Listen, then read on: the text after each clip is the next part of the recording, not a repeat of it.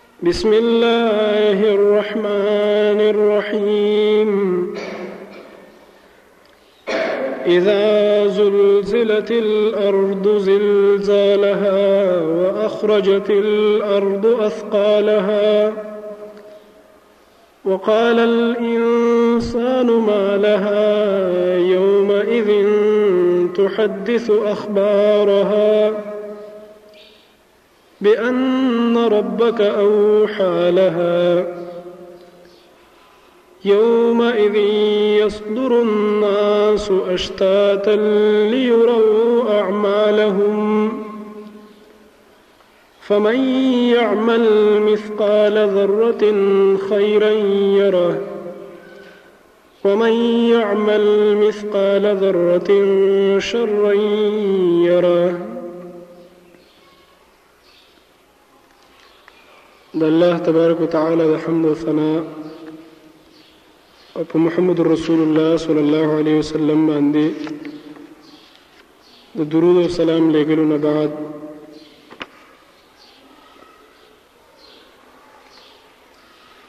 د قران کریم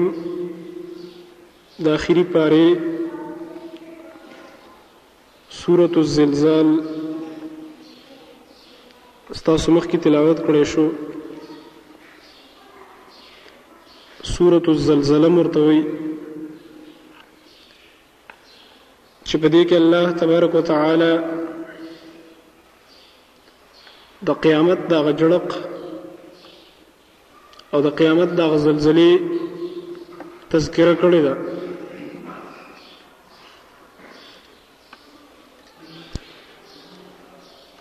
په ایمانیاتو کې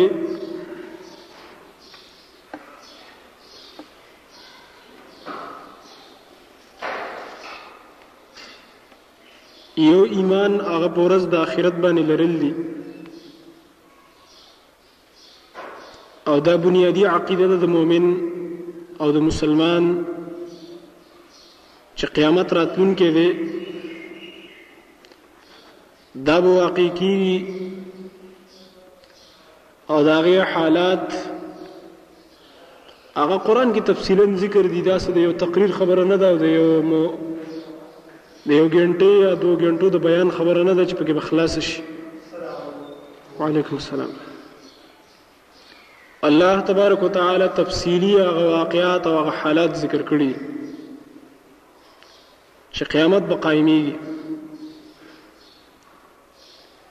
نو ایمان په ورځ د آخرت باندې لرل دا د مسلمان لپاره لازم دي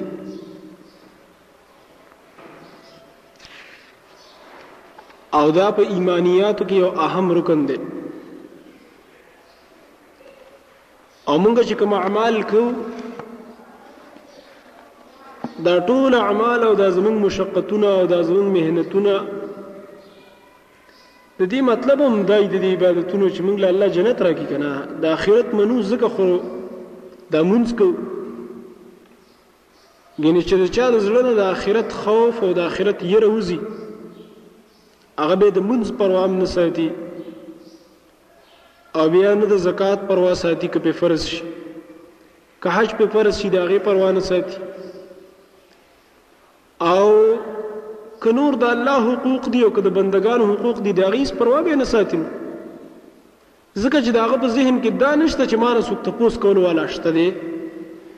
هغه صرف دومره لیدلی خپل د ځان یې لیدلی چې زما یو خېټه ده دا چې کله وږي شي نو دا روټۍ غواړي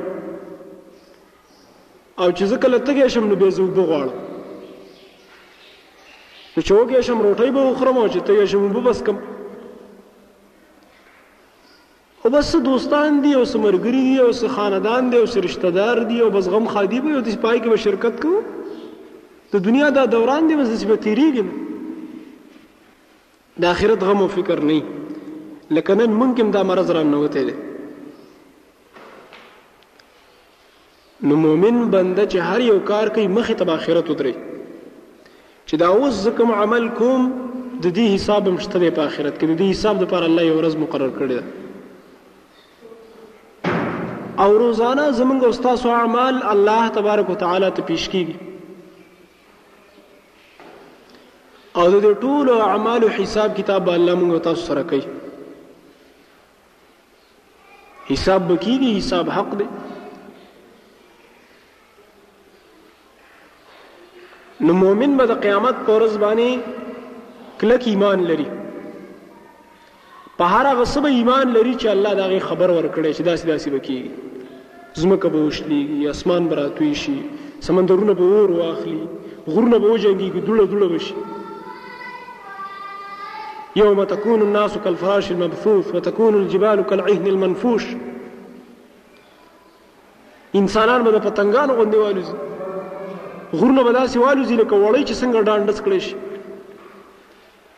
او بیا به د اعمالو تلل شروع شي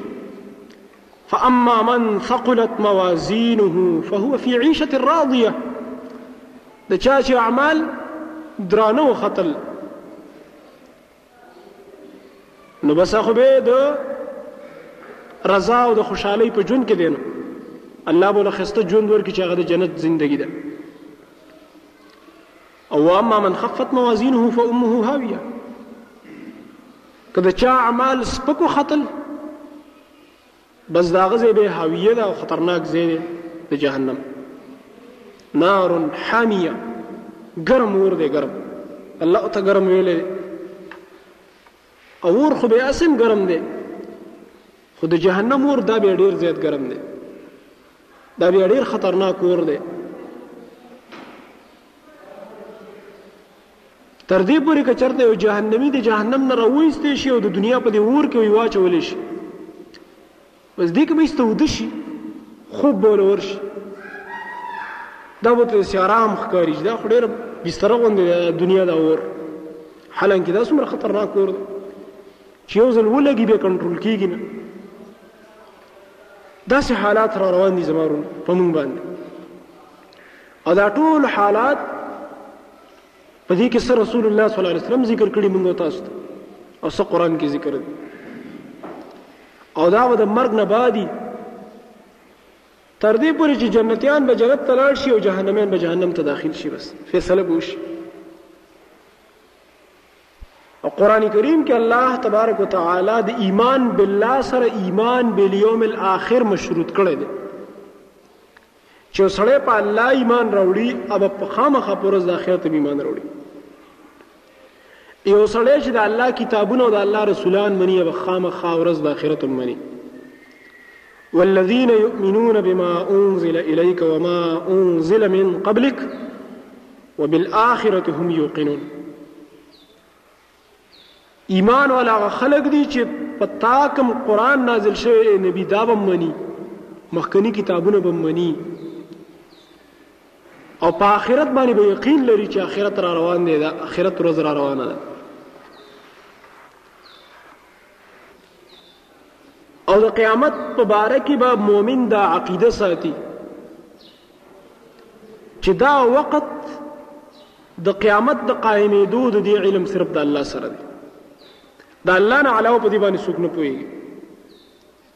قرآن کې الله فرمایي ان الله عنده علم الساعه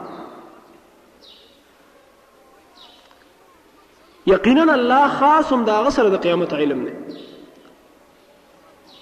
او بل ځکه الله فرمایي لا یجلیها لوقتها الا هو په خپل وخت باندې به نخ کار کوي مګر الله به ښکاری کوي ټول ته پته ولګي بل چاته دې پته نشته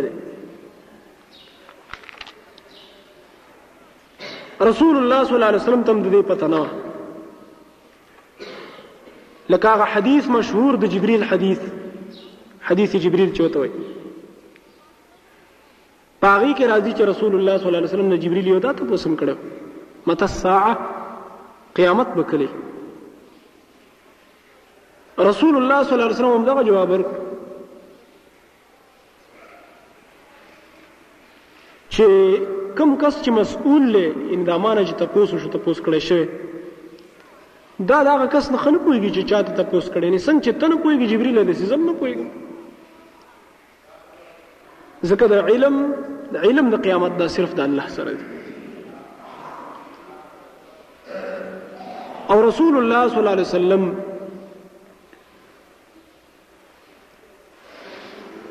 د الله د طرف نه د وحي په ذریعہ باندې علامات خو د قیامت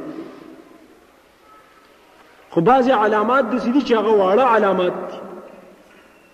چا ول دي علامه چې قیامت بالکل رانږدې شوی دی او بعضی علامات د سیدی چې لوی لوی علامات دي قیامت خاص هم رانږدې دی ځکه وی کل ما آت فهو قریب هر راتلونکی شی نږدې ته چې اوسیسته روان یې او ستا مخې لاره روان دی خو نږدې دی کنه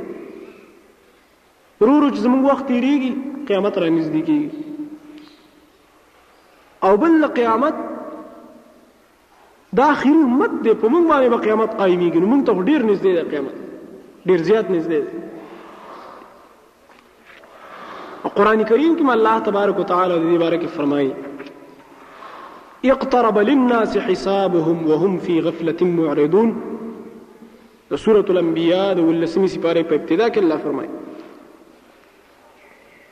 د خلکو ته حساب ډیر را نږدې شو ډیر الله په خپل فرمایي چې حساب ډیر را نږدې دی وهم فی غفلت او دا خلک اوس هم لا په غفلت کې پراته دي معرضون لا مخه مړی د دین نه ته ته خبره وکړه دا غینه مخه مړی نصیحت کیږي غینه مخړی قران مونږ ته بیانېږي مختیړو که حدیث د پیغمبر را ته بیانېږي مختیړو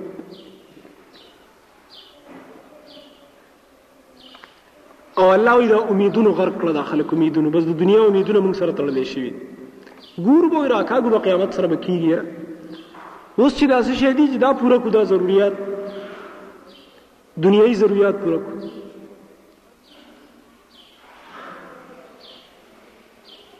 رسول الله صلی الله علیه وسلم د الله تر طرف نه د وحي په ذریعہ باندې بعضي علامات خو دی چې دا د قیامت علامات دي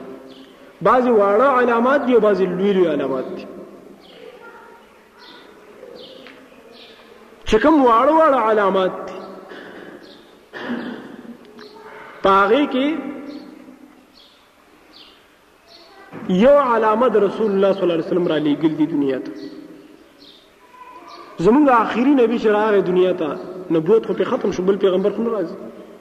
نو دا د قیامت یو علامه ده دا د قیامت یو علامه ده چې بس دا آخري امت شو او دا آخري پیغمبر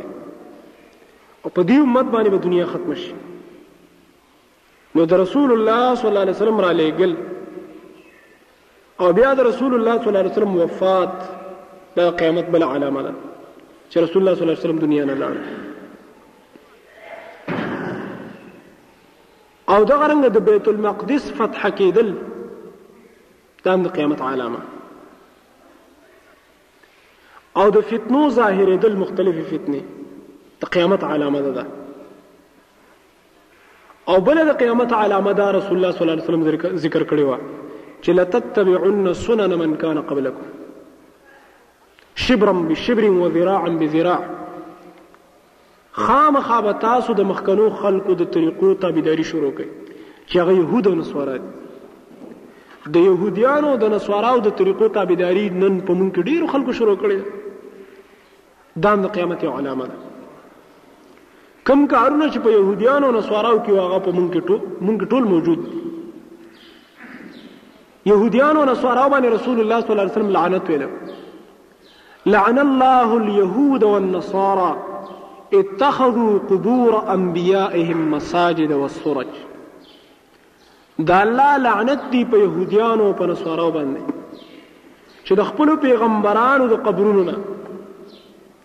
او بل روایت کې راځي د نیکانو بزرګانو اولیاء او د قبرونو نه د سجدي ځای نه جوړ کړو الته به ورتله او سجدي به ته کولې سرونه به ته ټټول د نیکانو خلکو قبرونو زیارتونو لبتله هغه يهود او نصارا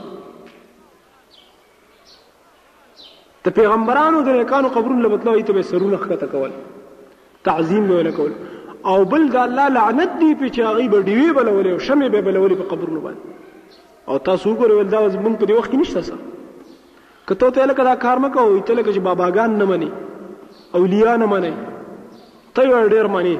بیلمازی نجسی پوډر به سکی چرس به سکی مونز به نه پیژنی او کم سړی چې قصدن مونز قضا کیا کافر شو قصدن در رسول الله صلی الله علیه وسلم حدیث دی من ترک الصلاة متعمدا فقد کفر او کدی روایت کې کمزوري نور نور روایت هم شته دي صحابه کرام وي مونږ با د کفر نښه دا ګڼله چې چا به مونځ کول مونږ به دا سړی مسلمان دی چا مونځ نه کول مونږ ته پته لګېدل دا کافر دی د کفر او د اسلام په منځ کې فرق به مونږ په مانځ باندې کول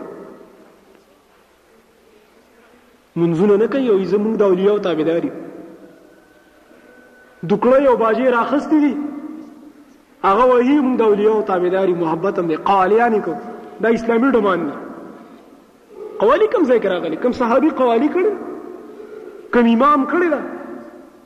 پیغمبر ته ویلي الله ته ویلي چې دا شعر واله دا څنګه مینه ده دا کوم محبت ده دا د هغه يهودو نه سوارو تابعداري ده چې شروع ده په دې امت کې او د شنور ډیر واخله دا غي چې څنګه لباس دی هغه شان لباس دا غي يهوديان نصارو چې کوم شکلونه یې زموږ شکلونه هغه چې کومې نخرې کوي هغه زموږ هغه نخرې دلته هم دي کم فیشن د هغې دی هغه فیشن دلته هم دی کم کلچر او ثقافت چې د هغې دی د دین دی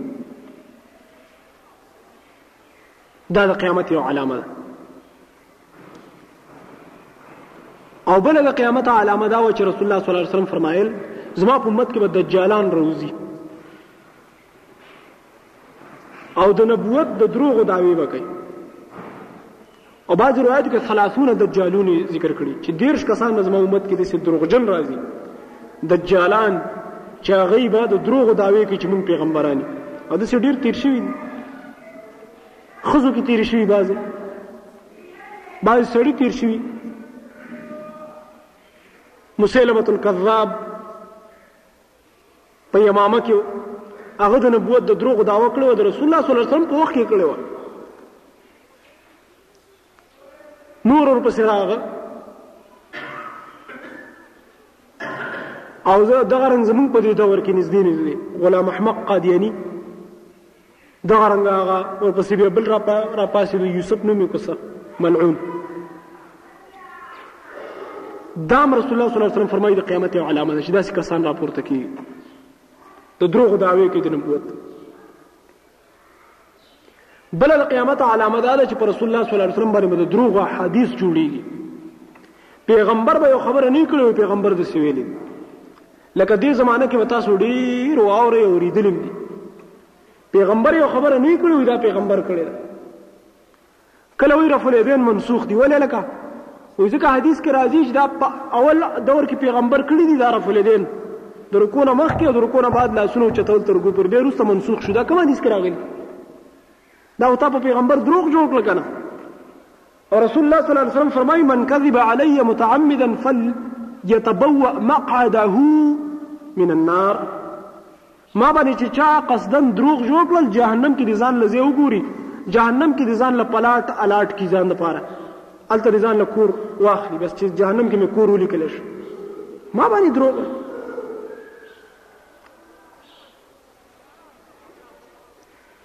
پیغمبر باندې دروغ ویل کیږي د ځان نه حدیث موضوعي او ضعیف ډیر موضوعي حدیث ته خلکو کې مشهورم دي مشهور کتاب زمونږ د مرګرو تبلیغي حضرات فضائل اعمال لغې کې وګوره څومره موضوعي حدیث دي پکې آدم علیه السلام نه ګناه وشول او ویل چې اوس بس کوم عرش ته وکتل لا اله الا الله محمد رسول الله وکتل ویل چې دا خو یو کمالی سړی دی انسان دی دا محمد رسول الله نو د په وسیله باندې ما معاف کړه کوم ځای کې راغلی اولان جو سره زکریا صاحب لیکي هاذا حدیث موضوع دا حدیث دروغجن دی او موضوعي دی نو ولې دی لیکلو په دې لاندې عربی څوک پوهیږي لاندې عربی باندې خو ته پوهیږي د سی بستا په شان بل مولا پوه شي نو چې دا امی وي او دا دلته ناس ته او دا موږ له شل تعلیم راکړي دا غریب څه پوهي دا خو موږ ته وایي لګي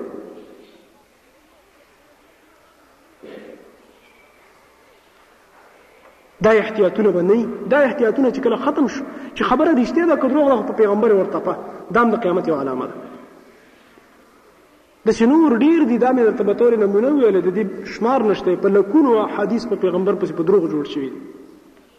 او الحمدلله علماء ورسره یې سمه تله ده مضبوطه مضبوطه تله داسې په چان چانې تر ایستي چې دا صحیح حدیث دی دا موضوع حدیث دی دا ضعیف دی دا حسن دی ټولې بیل بیل کړي بل د قیامت علامه هغه دا و چې رسول الله صلی الله علیه وسلم فرمایي زما سنت طریقې به خلک رو رو پریدي سنت طریقو سره بې وفایي شروع شي د يهودیت او نصرانیت په شان شکل جوړول دا به ډیر آسان کار ښکاري خو پیغمبر سنت پرې خو دا به ګران کار ښکاري خرچم پیږي حجامت شریف باندې نه دی پنځه شپږ روپۍ هم ورکوي حجامت کوي پیسې هم خرج کوي طریقې هم د بل چا رانیولې ده او لا اله الا الله هم ویلې ده محمد رسول الله هم وایي منځونه او درسونه هم کوي خو شکل خرچه کوي او سره د خرچې د پیغمبر د طریقې نه خلاف کوي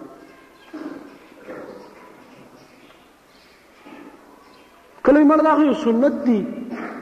سنت طریقه دا خیر دی که ګیره دی وساتله ښه دی ګینه دی که څه دغه نشته حدیث کې راځي رسول الله صلی الله علیه وسلم ته مخ اړولی و د ډېر نفرت نه اهل فارس راغ غټ بریتونه پرېښي او ګیرې خرولې خیر هغه وخت کې به دومره تیره بلیډونه نه وو دومره به نه یې خرولې لکه دا اوس چې کوم پاکي ورپسې راکاږي او ورپسې لا کریم هم ورباندې راکاږي چې لږ ښه ښکاره شم پلق پي بس بیا ځان ته شیشه کې مو ګوري چې زه ښایسته ښکارم دغه دی یو ګناه وکړل او دا دی لا بل ګناه وکړل چې لا ځان پکې ورته ښایسته ښکاري دا غو ته لا بل ګناه کې په ګناه فخر کې رسول الله صلی الله علیه وسلم له اهل فارس راغ ګری خرولې مخې ته وړ نفرت ته کوی دا څنګه انسانان راغ دوی خدای الله فطرت ختم کړی دی د الله فطرت دا دی چې د سړی به ګیری ګیره په ګیره باندې سړی نارینه خسته ښکاري دا د نرتوب علامه ده او د خزي فطرت دا نشي داغي به یخته غټي کم سي وي هغه باغی خسته ښکاري د هر چا د پاره الله یو خایس جوړ کړی دی په یو طریقه باندې الله انسان پیدا کړی دی نو د ځان د فطرت نه خلاف کړو رسول الله سلام ته مخړه ولې ته دا دغه دومره خبره نه ده کګیره دی خره تا ته سوي ټول پیغمبرانو کې تقریبا 1 لاک 24 هزار کم زیات پیغمبرانو کې یو پیغمبر خو یا چاغه ګیره خرولي صحابو کې کوم صحابي وخایا چې هغه ګیروالي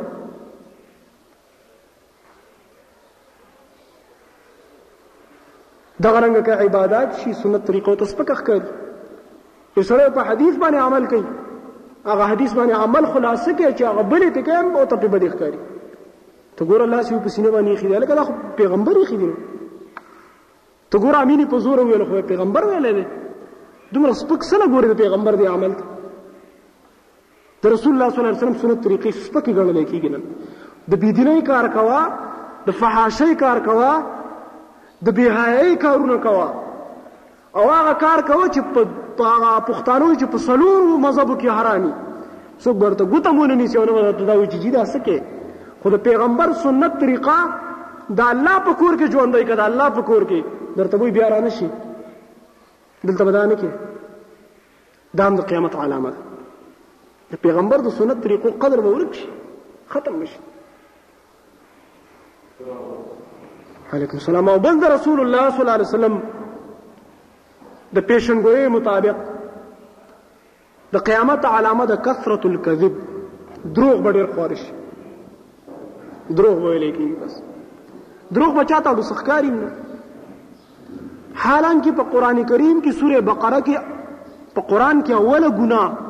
چې په هغه باندې عذاب ذکر شوی دی هغه دروغ دی ولهم عذاب علیم بما كانوا یکذبون د دې منافقانو لپاره دردناک عذاب دی ځکه چې دوی همیشه دروغ وایي انن مونږ کې دا مرض شته دی بس خبره به دروغ خوره کو د هغې د حقیقت تپوس نه کوو چې دا خبره رښتیا ده او که دروغ ده خو چې بس خالي مو واورېدله بس بیا هم خوره کړي داسې داسې چل شوی دی هلکه تا ته څه پته ده تا خو په خپلو سترګو نه دي لیدلي نه وي پلانکي ویلی او پلانکي نه تپوس وکړه چې تا ته چا ویلي خپله دې لیدلي که چا درته ویلي او حدیث کې راځي رسول الله صلی الله علیه وسلم فرمایي چې د یو سړي د دروغجن کېدو دپاره دام کافي ده چې څه اوري او بس هغه خوري چې ساول هغه خوري چې بس چل شوی دی دا مر کافی دی چې بس دا غټ دروغجن دی دومره پورې احتیاط دی زموږ په دین کې چې د بل خبره چې د بل نه دی وارده ام مخوروا لا پاتې د ځان نه دروغ جوړول چې بل نه دی اوریدلی هم هغه ماغه پورې مخوروا چې څو پورې ولا تحقیق نه کړی چې دا خبره راته رښتیا وکړه او که د ځان نه جوړه کړی نو دروغ به ډېر خواره شي کورونو کې به دروغ ویل کېږي پلار به زوی ته دروغ وایي زوی به پلار ته دروغ وایي مور به لور ته دروغ وایي لور به مور ته دروغ وایي ښځه خاوند ته دروغ وایي خاوند داسې یو دکاندارۍ کې دروغ په هر یو څیز کې دروغ تر دې پورې مسجد کې وناستې دروغ وایي دا مونږ ته ډېر شي نه ښکاري چې دروغ شي خپل ژبه مې ده بس بس خالي تاوک خبره تاوې بس دروغ مونږ تاړو چې ګناه نه ښکاري حالانکه رسول الله صلی الله علیه وسلم په سخت لعنت ویلی او رسول الله صلی الله علیه وسلم فرمایل د دوو سيزونو ضمانت کمانه چارا کړو زول د جنت ضمانت ورکوم یو جبا یو د بهای سامان چې په بدن کې کم د بې حیايۍ اسباب دي چې دا غلط استعمال نشي او بدکاری په ونه کی او یو د جبه ضمانت مال چاره کو چې په دې باندې غیبت ونه کی او په دې باندې دروغ ونه وي زول د جنت ضمانت ورکو او د شرک کلمات په ونه وي په خپل باندې یا بابا او یا کاکا او یا یا علی صاحب را مدد سره کې شیغان چوي د جبه ضمانت او د خپل اعضاء مخصوصه ضمانت چې مال چاره کو زول د جنت ضمانت ورکو دا احتیاط هم ممکن نشته دا هم خواره شوي دا هم د قیامت یو علامه ده ښه خوره ده او بل وعدم التثبت في نقل الاخبار په خبرو نقل کولو کې احتیاط نه کول بس چې چانه دې سوري لکه مخکې وته ما دام دروغ کې قسم داخلي چانه چې سوري تحقیق نه کوي بس خوري چې لکه داس چل شوی دی پلان کې لکه چې داس کار کړي ویل لکه پلان کې ویل نه دې تحقیق پکاري مسلمان کار او صفت دا نه دی چې دې به تحقیق خبره هغه خوري او یقین دې کوي شیطان خو ډېر زبردست طریقې سره کار کوي د مسلمانانو په منځ کې داسې خبرې خوري نو دیو جن تحقیق به کوي د خبرو او بل چې کوم دی د قیامت علامه بدای ورفع العلم والتماسه عند الاصاغر علم مجکم دی واخستل شي علم به اوچت شي علم اوچتېدل دا مطلب دی چې دا قرآن نه بګنی والوزي مطلب دا دی علما اب یا ختم شي وفات نشي لکه اوس سکال درس مشکات کې شیخ الله صاحب خبره کوله چې دا سکال چې دا کم کال تیر شو دا عام عام الحزن دا د غم کال ډیر علما په وفات شو شیخ ابن باز صاحب لاړ ناصر الدین البانی صاحب لاړ زموږ د پاکستان علما لوی لوی لاړ شیخ شمس الدین دا شان نور ډیر علما دا څو علما چې زیر روان دي لګیا دي دا د قیامت علما او زمونږ غوندې جاهلان پاتې کیږي علم دا جاهلانو ته پاتې شي او جاهلان په بیا پوهیږي نو د قران په معنا باندې نه پوهیږي عوام ته نشي بیانولې د قران په احکامو به خبرې دا حدیث علم سره نه دا سړی مشر شي په منبر مولاړي په میراب مولاړي منځونه خلکو ته ورکي خلکو له فتوی مرګي خلکو ته مسلې کوي او سړی ته دا تاسو نه کوي چې په قران او حدیث پوهیږي او کنه داسې خلکو ته نالایقو ته چې علم پاتې شي او علما او علم ختم شي قران او کلا پکې کوم کسان او قران او حدیث چې بیان دا غسوک منی نه دا د قیامت علامه ده دا پکې بیل مرز دی چې سوچا علم او بیانې دا غنه منی عليكم السلام او ظهور الجهل والفساد د جهالت او د فساد خورېدل لکه اوس ډیر جهالت څومره جهالتونه دي که ګوري د غیر الله دربارونه ډک دي چرته سینماګانې دي چرته د بيدینۍ ځایونه دي هغه ډک دي هر یو د بيدینۍ کار هر یو چې کوم د دوکبازۍ کار هر هغه کار چې مسلمان ته به ضرر رسیږي پای کار سره خماهر دی خو ماهر پی ایچ ډی پکې کړی دا دین کې چې نه پوهیږو نو مړه نه پوهیږو دغه جهالت چې خور شي او فسادونه خوار شي لکه اوس فسادونه دي ډېر زیات حکومتي فسادونه خپل مینځ کې د رشتہ دارانو فسادونه په کور کې دنه فسادونه په علاقو کې فسادونه د یو بل قتلونه په نس خبره باندې کنزل بدرد دا ټولې خبرې دا د قیامت علامې دي چې داسې فتنې او فسادونه به خواره شي جهالت به خور شي قرآن او حدیث به د جماعتونو نه ورک شي تاسو اوس وګرځئ په دې علاقو کې خپله تاسو سر د دې خبرې وکړئ د دې خبرې تحقیق وکړئ وګرځي د دې صوبه سرحد نه بلکې صرف د پیښور په دې مساجد کې وګرځي او دا تاسو صرف کوی دا یو سوال چې کوم د جماعت کې درس کیږي کنه کیږي د قران پته ورته ولګي چې په سلو کې څومره جماعتونو کې د قران درس کیږي دا په خپل تاسو ته پته ولګي او درته لګي دریم دومره جهالت دی علم خو قران او حدیث دی دا چې په جماعت کې نه په مسجد کې نه چې هغه د دین ځای نه دی چې د دین د ځای نه وته د بازار نه خو به خامخوزي او د کور نه خو به خامخوزي دی چې د هغه دین په مرکز کې نه بیانېږي چې هغه جماعت دی او مسجد دی چې د دې لپاره جوړ دی چې د الله کتاب دی پکې بیان شي د پیغمبر حدیث دی پکې بیان شي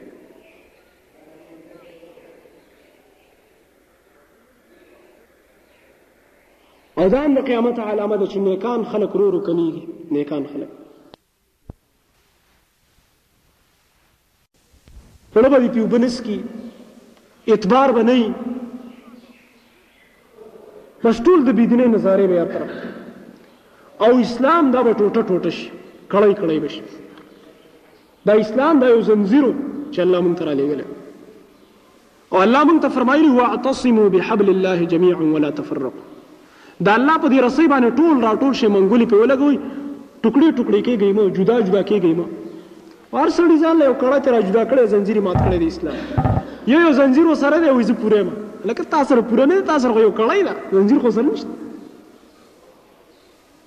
هر سړی سره کړی دا وای دا زنجیر دی کړی له زنجیر نومي الله دې معافي وکړي اول دا مونږه چې دا لوی دا وکړو چې مونږه علي دي سي نو دغه یو څو کارونه کوه رفع الیدین امین بالجهر فاتحه خلف الامام مزه یو څو سنت طریقې مرا ټینګې کړې بس مونږ پوره یو نه د ټولي زندګۍ کې د رسول الله صلی الله علیه وسلم په سنت طریقه باندې چلیدل دې ته ویل کېږي اسلام دا خو مونږ یو کړی راخسته معمولی غوندې اعمال هم راخسته یو څو اعمال اگر چې ډیر بهترین دی او شکریا پیدا کوو چې الحمدلله چې د دې حدیث نو الله خبر څوک خبرم نه دي د سره چاته پته نشته دی او الله په موږ له عمل کولو توفیق راکړي شکر په وباسو خو دومره ده چې به دا یو څو اعمال د خلاصې او د نجات لپاره پوره کېدی نشي زمونږ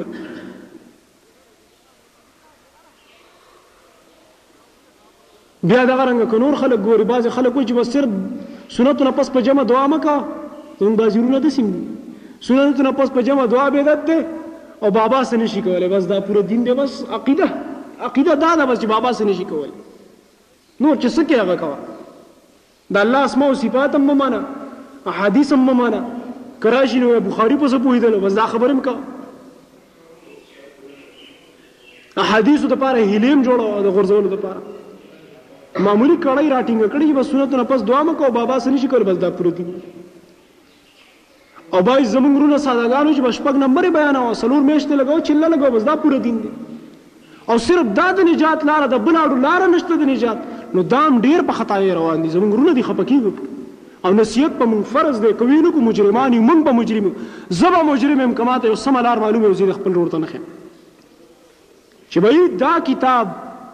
ستا په لاس کې چې کوم دی د دې کتاب د لاسه د الله کتاب پرې نه دی ګوره خیال کوه د الله لحاظ وکړه د الله د دې کتاب لحاظ وکړه چې قرآن د نه پاتې نشي د دې فضایل اعمال په وجه باندې ټیک ده کوه د فضایل اعمال تعلیم کوه او چې کوم دا تحقیق پکې بیا وکړي او علماو ته درخواست وکړي چې صحیح پکې راته ولیکي دا موضوع او ضعیف دی وباسي د دغه تحقیق وکړي خدا الله کتاب پرې نه دی دې سره بې وفایي ونه کوي دا نصیحت په موږ فرض دی او دا تعصب مه کوئ چې د دین کار صرف مونږ کوو او که روس کې جوماتونه دي دا زما د محنت د وجې نه دي او که په امریکا کې جوماتونه دي دا زما محنت دی او که نورو ځایونو کې په هندوستان کې او په نورو ځایونو کې تحریک شروع دی دا زمونږ د محنت وجه ده داسې مو وایه لا تزکو انفسکم قرآن کې الله فرمایي د ځان ستاینه مه کوه د ځان صفتونه مه کوه د ځان پاکیانې مه بیانوه داسی وایه کمزور یو موږ ټول کمزور یو دا به د هغه صحابه کرامو د مهنت وجه ده موږ به سم مهنت یو زموږ به څه کاری دا د هغه محمد ابن قاسم تور و چې د جنوبي شهید له فتح کړی دی چې نن زم په جماعت کې ولاړم بیان کوم او منځونه کوم لګیا دی پاکستان دی او هندوستان دی او دا څومره ملکونه چی دی اسلامی بنګله دیش دی دا خو هغه جنوبی ایشیا دا خو محمد ابن قاسم فتح کړی دی بنیاد ته خبره نه کیاسی روسته خبری کې چې دا زما مهنت دی زما دا د محمد ابن قاسم د توری برکت چې الله راولېګلو جنوبی ایشیا فتح کړه سند باندې حمله وکړه راجا داهر له شکست ورکړو او نن په هندستان کې او پاکستان کې چې څومره مساجد دي دا د هغه مجاهدینو د جهاد برکت دی داسې وایه صفا خبره کوه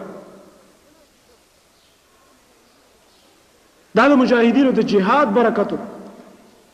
چې سپین باندې حمله وکړل او اندلس یې فتح کړو د الله دین یې خور کړو د عربو خوا او شام ممالکو ته د الله دین ورسول مونږ بسې او زمونږ مهنت بسې یو څو اعمال هم راټینګ کړي او لوی لوی دعوې کوي نو دام چې کوم دی د قیامت یو علامه ده چې اسلام به کړی کړی شي بسر سړی به جدا شي دار چا جدا لار جدا نه هجې ده مساجد په دې نومونو باندې تقسیم شو، مدرسې تقسیم شولې، دا د پلانکینو جومات دی، دا د پلانکینو جومات دی. مسلمانانو کې دا نومونه شته چې دا پلانکینو جومات دی، دا پلانکینو. مسلمان خو یو ملت دی، یو یو مذهب دی، اسلام یو مذهب دی. او په دې باندې به راټول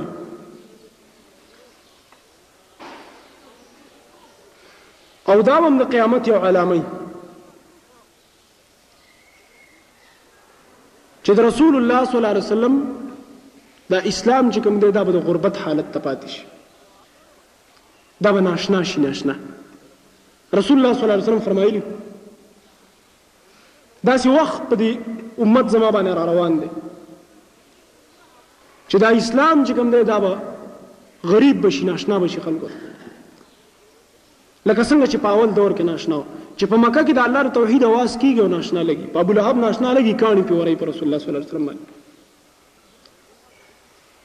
ابو جهل باندې ناشنا لګي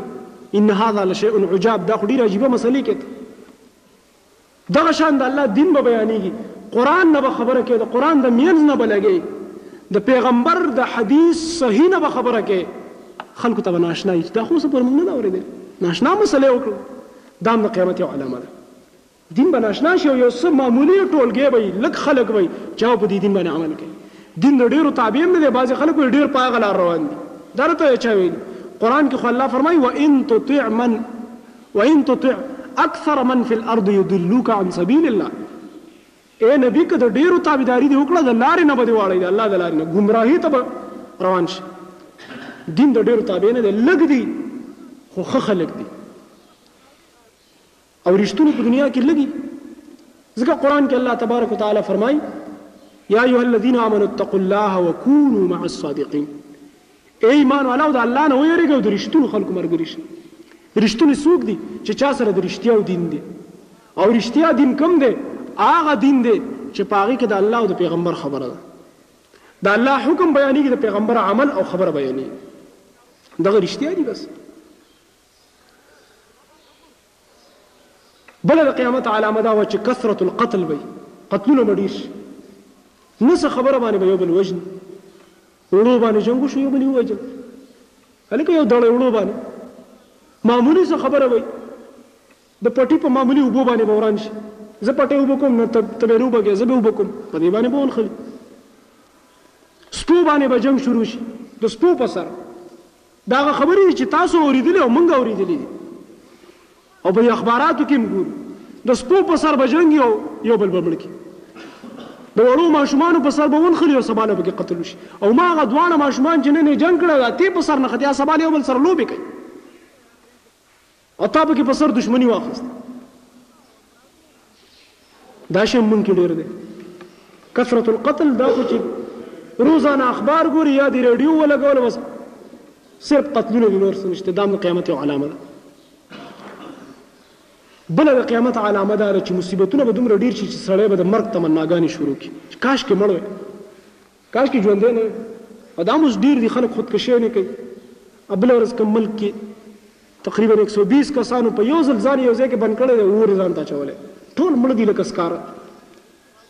دلته څومره کسانو خودکشی نه وکړی دا خودکشی نه او د زندګۍ نه تنګوالی سړی به په خپل ژوند کی تنګ شي دا هم د قیامت یو علامه زندګی باندی سړی تنګ شی کاشکی مړ وای بس اډو ژوندی نه وای داسی خبری به شروع شی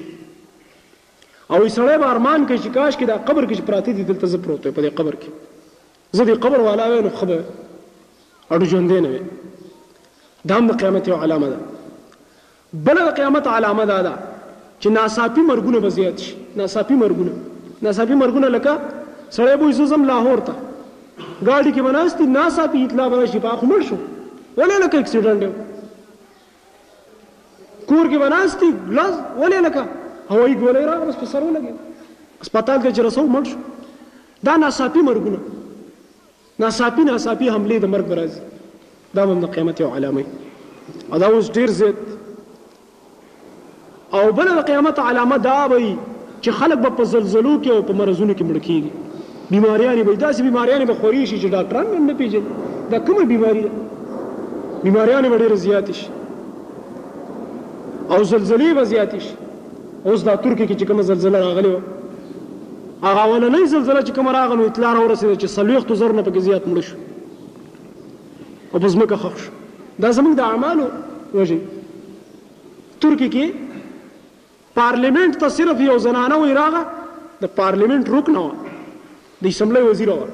او صرف دا سکارپ یې په سر کړی، لوپټنه سکارپ، لکه دا ما دا رومال چې دی، دا مخې ته سر پکې ښکاري، خو عالي داسې نرۍ غوندې لوپټه یې ویل دا چې تا په سر کړې، ته به اسمبلۍ ته نه داخلېږې. دا به کوزی دا قانون دی نو یو ملک چې ځان ته مسلمان ملک وي او قانون پکې دای دا دا څنګه اسلامي ملک دی نو په هغه ملک باندې به زلزلې نه راځي خامخا به راځي زلزلې او چې زلزلې راغې نو ظالم دومره خو ظالم حکومت دی او دومره بيدینه شوی دی چې دا نه ویل چې دا د الله عذاب دی او هغه انجنیران موږ نیسو چې کوم انجنیرانو د دې آبادو نقشې چولې غلطې چولې هلکه د الله بنده دا خو د الله عذاب دی انجنیران په دې کې څه کولی شي انجنیران نه چې کله د الله عذاب راشي غرو ته نشي ټینګېدلی لا پاتې دا لنټر او دا بادي داسې شی دی دې له خو چې یو ژړک ورکړي دا ختموي دا علامات دا د قیامت علامات دي دا د بی دینۍ خبرې به خورې شي د هغې په نتیجه کې به عذابونه راځي نا اهله خلک به مشران شي د ملک بی دینه په قران او حدیث باندې شي نه پويږي بسم الله به مولا نور صرف هغه بسم الله الرحمن الرحیم دا به مولا نور د بټو سه په باره کې مې یو عالم نه اوریدلی ما چې هغه به بسم الله ویله نو یو څو ورځې به ورسره یو کس ناست و هغه به ورته تقریر به یې چې کله کوه هغه به ورته بسم الله صحیح کوله داسې وایه داسې وایه نو به ډېر محنت کول کول بیا به چې کله قوم ته به خطاب کوو نو بیا به بسم الله به ورته هغه لږه صحیح کړی نو بیا ویله بسم الله الرحمن الرحیم د دې خلکو څه بسم الله خو دغه شاني وویله دغه حالات دي داسې خلک مشران چې لورې را باندې مشره شوه لور بله ورځ یو غالباً په برطانیه کې یو اخبار له انټرویو ورکړې ده بېنظیري او دا خبره یې پکې کړې ده ننني وحدت اخبار کې دا خبره شته ده چې زه چې دا لوپټه په سرو دا زما ډېره غټه مجبوري ده ګینې په لوپټه وي څوک څه کوي پر پټه زه څه کوم زه وی دینه ډیره تنګ یم نو هغه انټرویو والا تپوس کوي نو بیا دا لری کې ولې نه وی دا د پاکستان دا عوام د سیدی چې بس هغه له خامخا پس دوکه ورکې نو دا عوامو د مجبورۍ د وجنه ما دا لوپټه په سر کړی ګین دا تنګ یم پکې دا زمون مشران دي سبا له هغه بیا راځي بیا به وټ غواړي بیا به کې ګډیږي مسلمانان تالی به مو ته وهی وخت به مو له ورکوی جلسې به هم کوی شپه ورځ به نه پېژنی منډې ترړې به یې او جلوسونه به یې او دی به یې دا د قیامت علامې دي چې داسې نااهله خلک او بیا زنانه دا در باندې مشران شي او دا د قیامت علامه و چې سړی به کم شي او زنانه به زیات شي سړی به کمیږي زنانه به زیاتیږي او دا اوس هم دا علامه داسې را ظاهرېږي لګی دی دا هم ظاهره شوی غالبا د سړو په نسبت لګی د زنانو تعداد سیوا کېږي او بل چې کوم دی دا د قیامت علامه چې رسول الله صلی الله علیه وسلم فرمایلي چې زنانه سره د جامو به بربنډي جامې به یي کپړې به یي او بربنډه به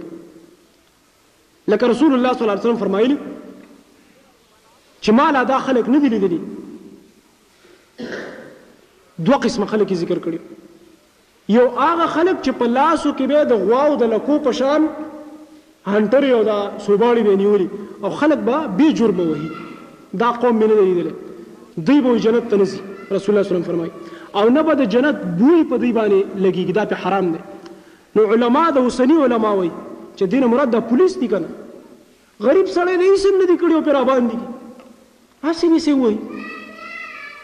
نو چې لکه شانو ته ساده ګل غوندې ښکاره شي بس راوي نیسي ظلم هم پې کوي پیسې هم تېلي ګینې په دنه کوم دی وایي رشوت هم تېلي او سوټي لاس کې نیولي او بې ګناه به خلک وهي بې جرمه به خلک وهي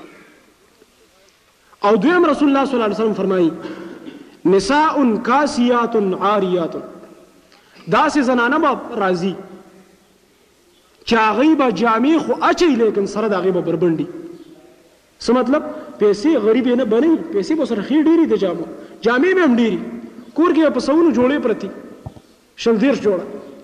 خو چې ګوري دې ځای پر نستوڼې دې ځای ته غاړه راکوشوې ده مرۍ یې ښکاري، زینت یې ښکاري، پنسې اوچتې کړي ته به یې دی سړی دی. دا د زینت ځایونه به یې ښکاري، دغه زنانه دا د قیامت علامه ده چې کله داسې زنانه ښکاره شي. او دا خو اوس بیخي زیاته شوې ده، دا خو بلکل عامه ده دا فتنه په دې وخت کې چې سره د دې جامې خو لا پرېږده، بورقه یې اچولې او بربنډه یې. بورقه یې اچولې ده او بربنډه ده. همدغه رسول الله صلی الله علیه وسلم پېشنګوي کړې وه. صفا به ورته پته لګېږي د هغې د اعضاو د هغې د اندامونو. دې وجې نه ښځه د مخکې طرف نه مو فتنه ده او شا طرف نه هم فتنه ده. کوشش کوئ چې ځان ترې وساتئ، نظر ترې واړوئ او دا د شیطان د غشو نه یو غشی دی دا نظر چې په پردۍ زنانه باندې ولګېږي فوراً زړه ته کوزېږي د دې اثر. دا پیشنګوی هم رسول الله صلی الله علیه وسلم کړی وه او صادقه شوله. د دې نه معلومیږي چې پیغمبر صلی الله علیه وسلم بلکل رښتینی وو. د الله پیغمبر وو حق چې څۀ ویلي لا لیدلی نه دي او هغه لږې لږې ښکاره کیږي. او بل رسول الله صلی الله علیه وسلم فرمایلي وو چې زنا به داسې عامه شي چې په لارو کې به هم شروع وي. دا به د قیامت یوه علامه وي. په لارو کې به زنا شروع وي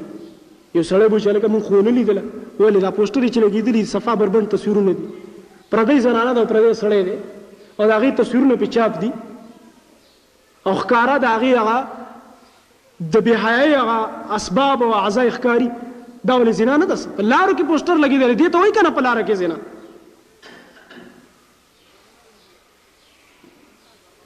په لاره کې به زناګاني تیریږه میوزیک سنټر کولاو شوی دی او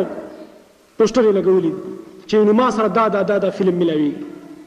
دغه دوم دغه ته وایي کنه په لار کې زنا زناګانې و په لارو کې عام شي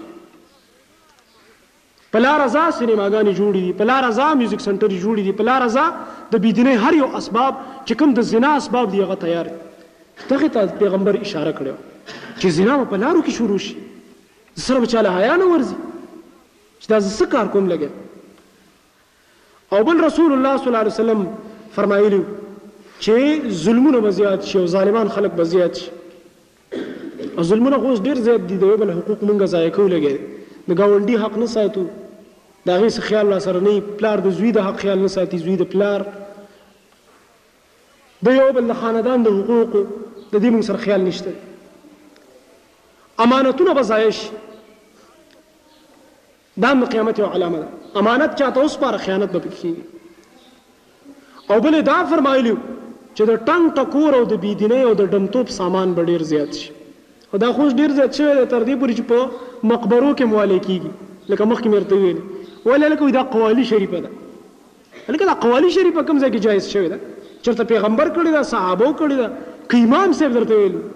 دا خلک بیا وای مونږ د امام صاحب په مذهب دی امام صاحب مذهب کې هم دا نشته دی چې قوالی کوي یا ډول دی راخسته او عزت او اولیاء سره مینه کوم تور سره څنګه مینه کې دا څنګه مینه ده دا د ټنګ ټکور اسباب به زیات شي سیوا به شي شرابونه به عام شي شراب بس کلی کیږي دا به قیامت علامه زناګانی سودونه حرام لباس به استعمالیږی چه هغه په اسلام کی ناروا دی ریخم وغیره دا به استعمالیږی دغه رنګ رسول الله صلی الله علیه وسلم دا فرمایلی زما امت کی به کانی به راوریږی خخول به کیږی شکلونه به مسخ کیږی او دا اوس ډېر شوي دي. یو انسان به تاته انسان ښکاري او شکل به یې چې کوم دی بدل شوی د شکلونو ته وګوره اکثر دا بېدینه خلک دا ځان ته چې دا سیاستدانان هم د شکل نه به دې وله یېره وشي دا څه شی دی کاڼي به راورېږي زما په امت باندې او دا کاڼي راورېدل اوس علما په دې کې دام وایي چې دام کاڼي راورېدل دي چې دا یو بل لګی دی په کلاشنکوپ باندې ولي دا خو د کاڼي نه هم سخت شی دی دا خو اوسپنه ده اوسپنې راورېږي لګی دی اوسپنې ورېږي اور راورېږي اور اټم بمونه جوړ کړي ملکونو یو بل ته سم په قار دا د قیامت علامې دي قیامت علامات دي رسول الله صلی الله علیه وسلم د دې پېشنګويي کړې وه، دا به کېږي، ښخېدل به کېږي، تاسو ته ښه پته ده په دې ملک کې داسې ډېر واقعات شوي دي، کوېټه کې وشو، په ایران کې شوي دي، ځمکه شلېدلې خلک پکې ننوتي او ترکیه کې هم همدغه شان چل شوی، ډېرو ځایونو کې دا شوي، دا به زما امت کې راځي، دا به د قیامت علامات دي. او کارونه به نا اهلو خلکو ته سپارلی کېږي، یو سړی به د یو کار اهل نه وي هغه ته به هغه اختیار ورکړی شي چې بس ته اختیارمند شوې، یو سړی به د دې اهل نه وي دا اهلیت او دا استعداد به پکې نه وي چې د ملک مشر دې شي هغه به د ملک مشر شي، یو سړی به د دې اهل نه وي چې هغه د دين د يو کار مشري واخلي هغه به د هغې مشري کوي لګي قرآن او حديث باندې نه پوهېږي شرک به خلکو ته بیانوي بدعات به ورته بیانوي رسمونه ورته بیانوي بې دلیله خبرې ورته کوي دې ته ویل کېږي نااهلو خلکو ته سپارل او د دین علاوه نور چې کوم دی ډېر زیات علامات دي چې هغه بې شماره علامات دي احادیثو کې ذکر شوي دا خو صرف هغه واړه واړه علامات هم سر ته ونه رسېدل هغه ذکر شوي احادیثو کې او دین علاوه بیا غټ غټ علامات ذکر شوي په احادیثو کې چې کله دا ظاهر شي نو بس قیامت بیا نږدې دی د مور او پلار بې ادبي به شروع شي اولاد او انسانان به د یو بل د حقوقو خیال نه ساتي نو الله تبارک وتعالی دې په دې وخت کې چې ډېر زیات د خطر وخت دی، هر طرف ته بې دیني ده او موږ پکې په خپله هم مبتلا یو. الله دې موږ او تاسو د قرآن او سنت تابعدار وګرځوي، چې په قرآن او سنت باندې تابعداري وکړو، ګنې والله هغه ډېر وروڼه دا خبره کوي او موږ یې هم کله کله وکړو، که په حساب شي نو والله که ترې خلاص شو د الله نه، که په حساب شي کنه نو صرف که د یو ورځې ریکارډ یې راپسې راویستو ټول عمر خو لا څه کوې چې ټول عمر ما څه کړي دي، که د یو ورځی ریکارډ یې راپسې راویستو چې په دې ورځ دې دا دا کړي اوم والله که د الله جواب وکړو د یو ورځی ریکارډ یا د یو هفتی ریکارډ یې که راپسې راویست چې تا په دې هفته کې په دې ورځ کې دا کار کړ د هغې جواب هم والله کو ډیره ګرانه ده دیو جن رسول الله صلی الله علیه وسلم عائشه رضی الله عنها ته ویلي عائشه د قیامت پر ورځ چې چا سره حساب شروع شو هغه هلاک شو نو الله دې هغه حساب په موږ باندې اسان کړي او رسول الله صلی الله علیه وسلم فرمایلو چا چې حاسبو قبل ان تحاسبو ځان سره حساب وکړئ مخکې د دې نه چې تاسو سره به حساب کېږي په قیامت کې چا چې په دنیا کې ځان سره حساب وکړو هغه ته به د قیامت حساب اسان شي نو که نن موږ په ځان سره په دنیا کې حساب وکړو ماښام شي ځان سره حساب شروع کړو چې نن ما د الله څومره احکامات پوره کړل ما څومره تلاوت کړی څومره مې ذکر کړی دی څومره مې داسې کارونه وکړل چې الله مې خوشحاله کړو او ما څومره داسې کارونه وکړل چې ما شیطان خوشحاله کړی دی او بیا په هغې باندې توبه الله ته وباسو چې الله ستا بنده وم ستا رزق مې وخوړو نو ټوله ورځ تا راکې روح اچولی او ستا هغه روح او سا په ما کې چلېدله ستا د هغه طاقت چې د راکې اچولی او د هغې طاقت په وجه زما لاس خپې خوځېدل مزلې مې وکړلې او هغه ټول استعدادونه زما د شیطان دپاره استعمال شو نو یا الله معاف مې کړه نو بس الله وروره چی تا کومه ګناه کړی نو ماسخوتن کی زه په انتظار یم چی اوس به دا توبه وباسی نو زه به له معاف کوم الله خو عجیب ذات دی او ټوله شپه ګناه وکړی نو زه سار بیا په انتظار یم لاسونه می غوړولی چی دا بنده به اوس توبه وباسی نو زه به له قبلوم نو الله تبارک وتعالی دی زموږ استاس توبه قبول کی او الله دی زموږ ګناهونه معاف کی کوم راته یاد دی او کرا نیر دی الله دی معاف کی اقول قولی هذا واستغفر الله لي ولكم لسائر المسلمين